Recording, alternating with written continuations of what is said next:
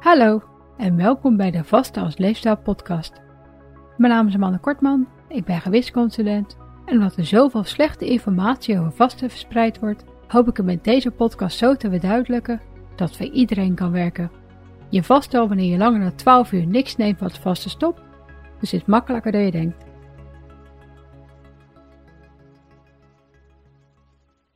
Welkom bij aflevering 42. In deze aflevering bespreek ik wat groente en fruit zijn en waarom je er voldoende van wil eten. De gemiddelde Nederlander eet hooguit de helft van wat er dagelijks aangeraden wordt en ik hoop dat deze aflevering je dan ook een beetje aanspoort om wat meer op te letten als jij daar ook niet aan komt. Allereerst, en wat zijn groente en fruit? Beginnende bij groenten. Groenten zijn de eetbare delen van planten en in de Nederlandse richtlijnen goede voeding worden de volgende als groenten gezien. Als eerste zijn er de groene bladgroenten met een hele hoge voedingswaarde en hieronder vallen bijvoorbeeld spinazie, andijvie en rucola. Vruchtdragende groenten ken je ook wel, wat hieronder vallen onder andere tomaten, paprika en komkommer, hoewel ze botanisch gezien eigenlijk fruit zijn. Ik zou ze echter niet in een fruitsalade stoppen. En uh, voor de beide handen luisteraars, nee, een Bloody Mary mag je niet tellen als smoothie, ondanks de tomatensap en selderij die ze bevatten. Alcohol doet de mogelijke gezondheidsvoordelen namelijk te veel teniet en waarom sap niet telt, zal ik zo bespreken. De volgende groentesoort zijn wortelgewassen, waaronder onder andere wortelen, radijsjes en rode biet vallen. Koolgewassen zou je ook wel kennen, en hieronder vallen onder andere broccoli, spruitjes en bloemkool. Dan zijn er nog de ui- en knoflooksoorten, waar ook prei onder valt, de stengelgewassen en kiemen, waar onder andere venkel- en kiemgroenten onder vallen. En als laatste zijn er nog de overige groenten, zoals erwten, mais en paddenstoelen. En sommige groenten vallen ook onder andere soorten, waardoor ze soms in de verschillende rijtjes ziet staan. In diverse landen vallen aardappelen en pulvruchten ook onder groenten, maar doordat ze heel veel zetmeel bevatten en de voedingswaarde niet hetzelfde is als de overige groenten, worden ze in Nederland niet als groenten gezien. Zie ze daarom liever als vervanger of aanvulling op bijvoorbeeld rijst, pasta en quinoa, want er is verder niks mis mee en je kan meer over pulvruchten lezen op mijn website. Een klassieke maaltijd met aardappelen, bruine bonen en vlees bevat dus eigenlijk geen groente. Bak je nog een uitje mee, dan mag je alleen de ui als groente tellen. Diepvriesgroente, mits er verder niks aan toegevoegd werd, is een uitstekende vervanging van verse, aangezien ze op hun rijpste moment geoogst en snel verwerkt worden, zodat er zo min mogelijk microvoedingsstoffen verloren gaan. Groentesappen worden echter weer niet als groente gezien, doordat ze de belangrijke vezels missen en je er niet op hoeft te kauwen. Dit zorgt ervoor dat de voorvertering in je mond niet begint, het veel minder vult en de koolhydraten die erin zitten heel erg snel omgezet worden in suikers. Zelfs zo snel dat ze nu opeens onder de toegevoegde suikers vallen.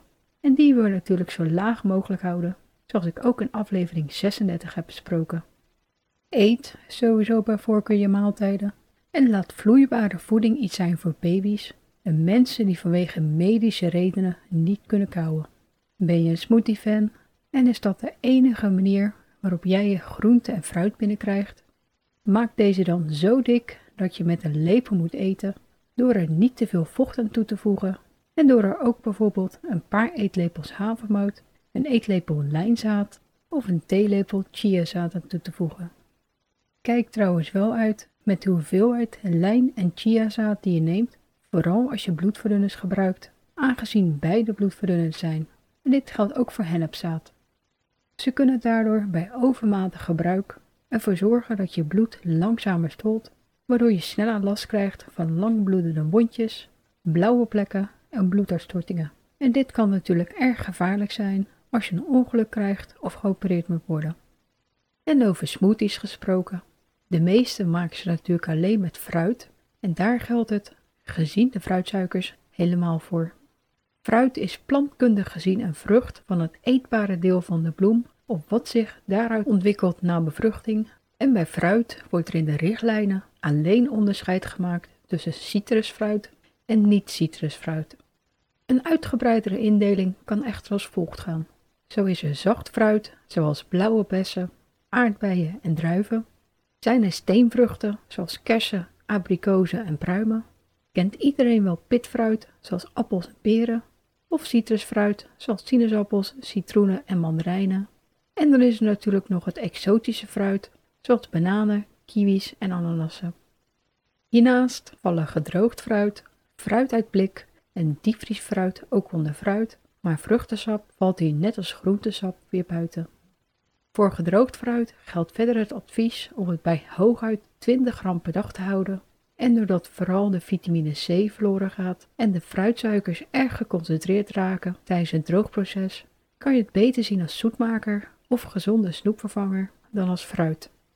Let er verder op dat het niet extra gesuikerd is, zoals vooral bij cranberries vaak gedaan wordt, want deze suikers kan je missen als kiespijn, iets waar ze tenslotte onder andere aangelinkt zijn.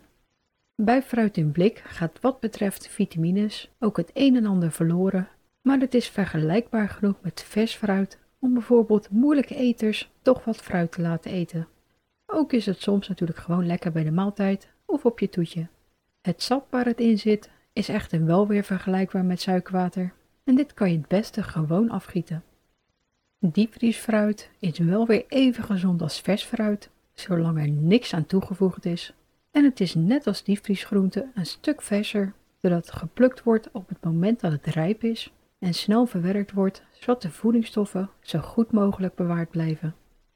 Het invriezen tast helaas wel de textuur aan, waardoor er in sommige, net als bij groenten, ietsjes minder vezels overblijven. Maar het is vooral vervelend voor de stevigheid en het mondgevoel. Hierdoor is het echter wel weer erg geschikt om het ontdooid door bijvoorbeeld je yoghurt of havermout te mengen. Zomers is het bevroren natuurlijk wel weer erg lekker om ervoor tijdens je eettijd fruitwater mee te maken. Vers fruit en groente wat dat betreft kan daarentegen wel een maand onderweg zijn voordat het in de supermarkt ligt. En appels worden soms wel een jaar opgeslagen in speciale koelcellen met een gecontroleerde temperatuur en een laag zuurstofgehalte, zodat ze amper verder rijpen en ze erna alsnog als vers verkocht kunnen worden. Dit maakt ze trouwens niet ongezond hoor en ik eet ze ook graag, maar ik zou ze niet meer echt vers durven te noemen. Voorgesneden fruitsalades en groenten worden verder bewaard in plastic zakken of bakjes waar vaak, net als de net genoemde appels, de meeste zuurstof uit is gehaald en waar soms antioxidanten aan toegevoegd worden, wat de verdere rijping en de ontwikkeling van ziektemakers aanzienlijk remt, waardoor het niet verkleurt en het goed blijft tot de uiterste houdprijsdatum. Ook hier is niks mis mee, zolang er verder geen suikers of vetten aan toegevoegd worden. Vooral als het ervoor zorgt dat je dagelijks makkelijker aan je porties groente en fruit komt. In Nederland is één portie groente of fruit gelijk aan 100 gram. En vanuit puur gezond raden we aan om dagelijks een 3 tot 4 porties groente en 3 porties fruit te eten. Dit komt dus neer op 3 tot 400 gram groente per dag en 300 gram fruit. Tenzij je koolhydraatarm eet. Dan wordt vanwege de fruitsuikers 200 gram fruit geadviseerd en kan je het beste voor diegene gaan met de minste natuurlijke fruitsuikers, zoals aardbeien en blauwe bessen. Ook kan het dan geen kwaad om ter compensatie voor 400 gram groente te gaan. Zoals ik in het begin van deze aflevering al zei, haalt de gemiddelde Nederlander net de helft. Maar het is gezien de voedingswaarde zeker de moeite waard om er toch zo vaak mogelijk aan te komen. Groente en fruit bevatten namelijk veel vezels, vitamines, mineralen, antioxidanten en andere bioactieve stofjes. En tegelijkertijd, op wat uitzonderingen na, zoals avocado, bevat ze relatief weinig calorieën, doordat ze ook veel water bevatten. Zo bestaat komkommer wel voor 97% uit vocht. En met maar 14 kilocalorieën per 100 gram is het vooral zomers een favoriete eetbare dorslesser. En hoewel calorieën tellen niet super nauwkeurig is, zoals ik in aflevering 29 heb besproken, zorgt de hoge voedingswaarde van groente en fruit ervoor dat het moeilijker is om je te overeten met andere voedingsmiddelen, zolang je dus voldoende groente en fruit eet. Iets wat je op lange termijn zeker merkt aan je taille. In mijn vitamines en mineralen afleveringen 33 en 34 benoem ik groente en fruit hiernaast maar al te vaak en bevatten veel soorten fruit, vitamines A, B2, B5, B11, C, E en K en de mineralen chroom, ijzer, kalium, koper, magnesium en mangaan. In groenten kan je hiernaast ook nog vitamine B3 en B6 en de mineralen calcium en seleen terugvinden, waardoor je al ver komt met alles wat je op een dag nodig hebt. Groente en fruit bevatten naast de voedingsstoffen ook antioxidanten en dan vooral polyfenolen. En welke dat zijn, kun je deels aan de kleur zien. Het Engelstalige advies Eat the Rainbow is dan ook een gezonde om na te streven. Hierbij eet je dagelijks zes verschillende kleuren groente en fruit die overeenkomen met de regenboog. En is de kans daardoor groot dat je verschillende antioxidanten binnenkrijgt. Zo bevat het bijvoorbeeld vooral gele, oranje en rode soorten groente en fruit veel carotenoïden, waarvan er in totaal meer dan 1100 zijn en waarvan de plantaardige carotenoïden vaak worden onderverdeeld in de vier hoofdsoorten genaamd beta-carotene, luteïne, lycopene en xanthofile. Beta-carotene is ongetwijfeld de bekendste, aangezien dit de voorvorm van de vetoplosbare vitamine A is. En het is dan ook belangrijk dat je groente en fruit altijd met een beetje vet combineert, zodat je alles beter opneemt, zoals ik ook in aflevering 33 heb besproken.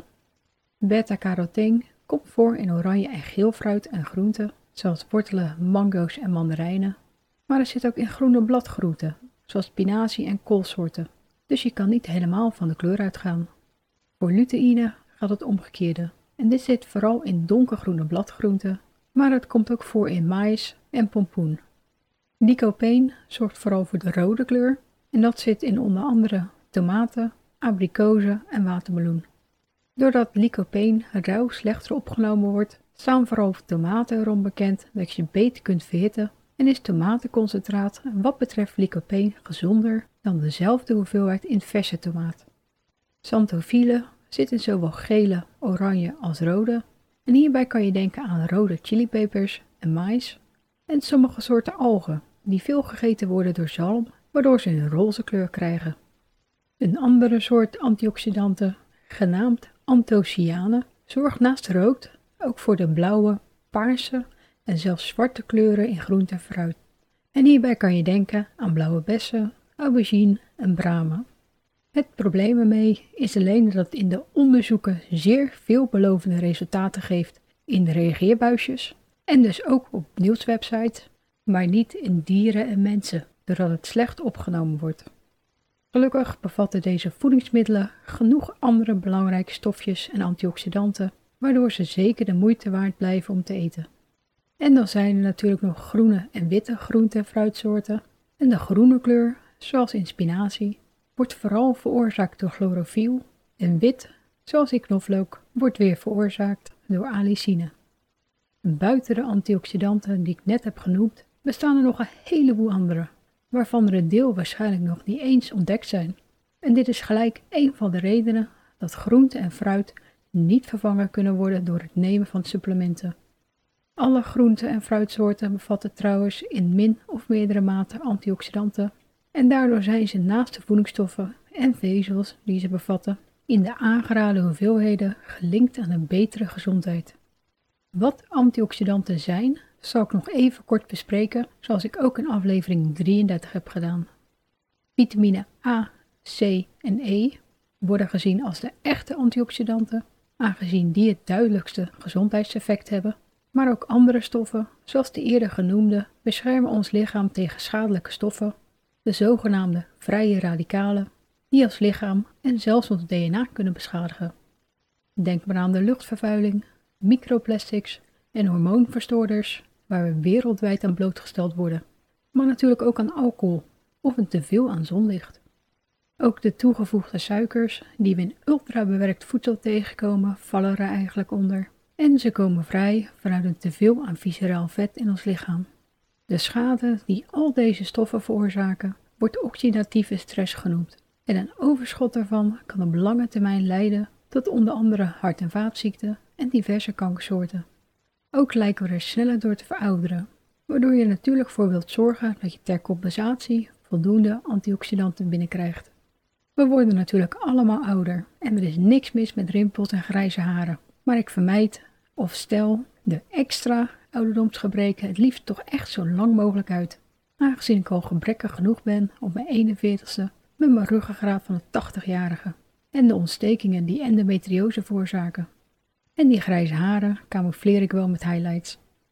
Gelukkig is het dagelijks eten van voldoende groente en fruit een simpele manier om diverse antioxidanten binnen te krijgen. En vergeet niet dat koffie en thee en, met een beetje geluk, je extra pure chocolades ook bevatten. Hiernaast zitten ze ook in bijvoorbeeld bolvruchten, volkoren granen, noten en kruiden. En door je antioxidanten via diverse voedingsmiddelen binnen te krijgen, krijg je er automatisch verschillende soorten van binnen, met hun unieke voordelen, zonder dat je er te veel van binnen krijgt. Een hoge dosis van één of maar een paar soorten via supplementen kan tenslotte averechts gaan werken en juist je kans op bijvoorbeeld kanker verhogen, zoals ik ook in aflevering 33 heb besproken. We hebben een beetje stress nodig om goed te functioneren. Zo maakt de stress die verstandig vasten en sporten veroorzaken ons juist sterker. Maar je wil ook weer niet zoveel stress hebben dat je sneller doorslijt en fysiek en mentaal ziek wordt. Varieer daarom lekker met wat je eet en drinkt en de 30 planten challenge, die ik ook in aflevering 30 heb besproken, is hiernaast de Eat the Rainbow Challenge een handig hulpmiddel voor. Hierbij houd je hem wekelijks bij hoeveel verschillende soorten planten je binnenkrijgt en je probeert er minimaal 30 te halen. Naast groente en fruit tel je ook pulvruchten, volkorengranen, noten, zaden, pitten en kruiden mee. Dus als je een beetje gevarieerd eet, kom je er makkelijk aan. Ook zwarte koffie, thee en pure cacaopoeder lijken aan dit rijtje toegevoegd te kunnen worden, dus dat zijn er weer drie. De titel van deze aflevering is eigenlijk een beetje misleidend, want de gezondheidsvoordelen van het eten van voldoende groente en fruit kan ik eigenlijk snel samenvatten. Zowel de voedingsstoffen als de antioxidanten die ze bevatten zorgen namelijk voor dat het eten van voldoende ervan gelinkt is aan een betere bloeddruk, een gezonder gewicht en een lagere kans op coronaire hartziekte, beroerte, darmkanker, longkanker en diabetes type 2. Ook de vezels die ze bevatten zijn niet alleen vullend voor ons, maar onze darmbacteriën zijn er ook erg blij mee. En als je lekker varieert met alle soorten groente en fruit en alle andere minimaal bewerkte plantaardige voeding, helpen ze om langer gezonder te blijven. Probeer daarom dagelijks aan de 200 tot 300 gram fruit en minimaal 300 gram groente te komen. En dit is zelfs mogelijk als je vast.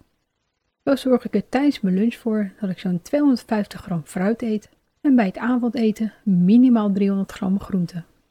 Weet ik van tevoren dat ik s'avonds niet aan mijn groente kom, doordat we bijvoorbeeld uit eten gaan, dan eet ik gewoon ook nog wel snackgroenten met kiemgroenten bij mijn lunch.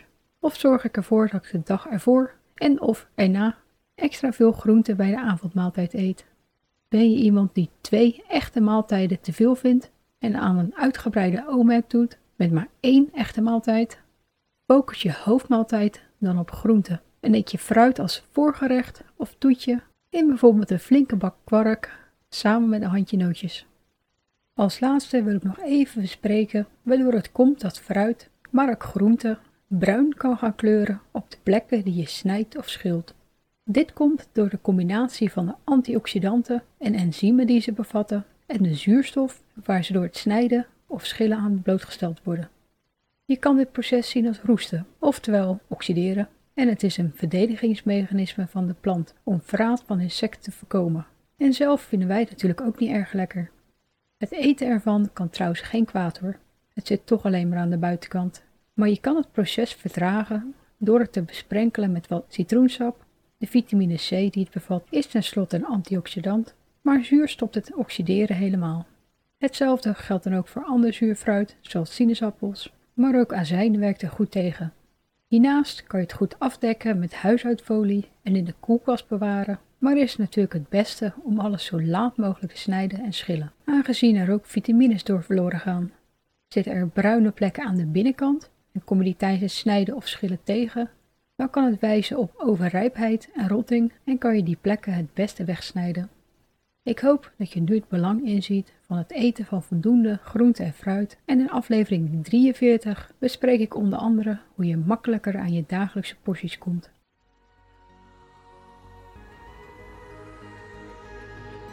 Bedankt voor het luisteren en vergeet niet dat je de onderwerpen en bronnen altijd in de omschrijving van de aflevering kunt vinden. Weet je niet zeker of sommige tips of adviezen ook voor jou geschikt zijn? Bespreek ze dan natuurlijk altijd met je arts. Heb je nog vragen of opmerkingen? Of heb je behoefte aan persoonlijke begeleiding? Kijk dan op valerien.nl voor meer informatie.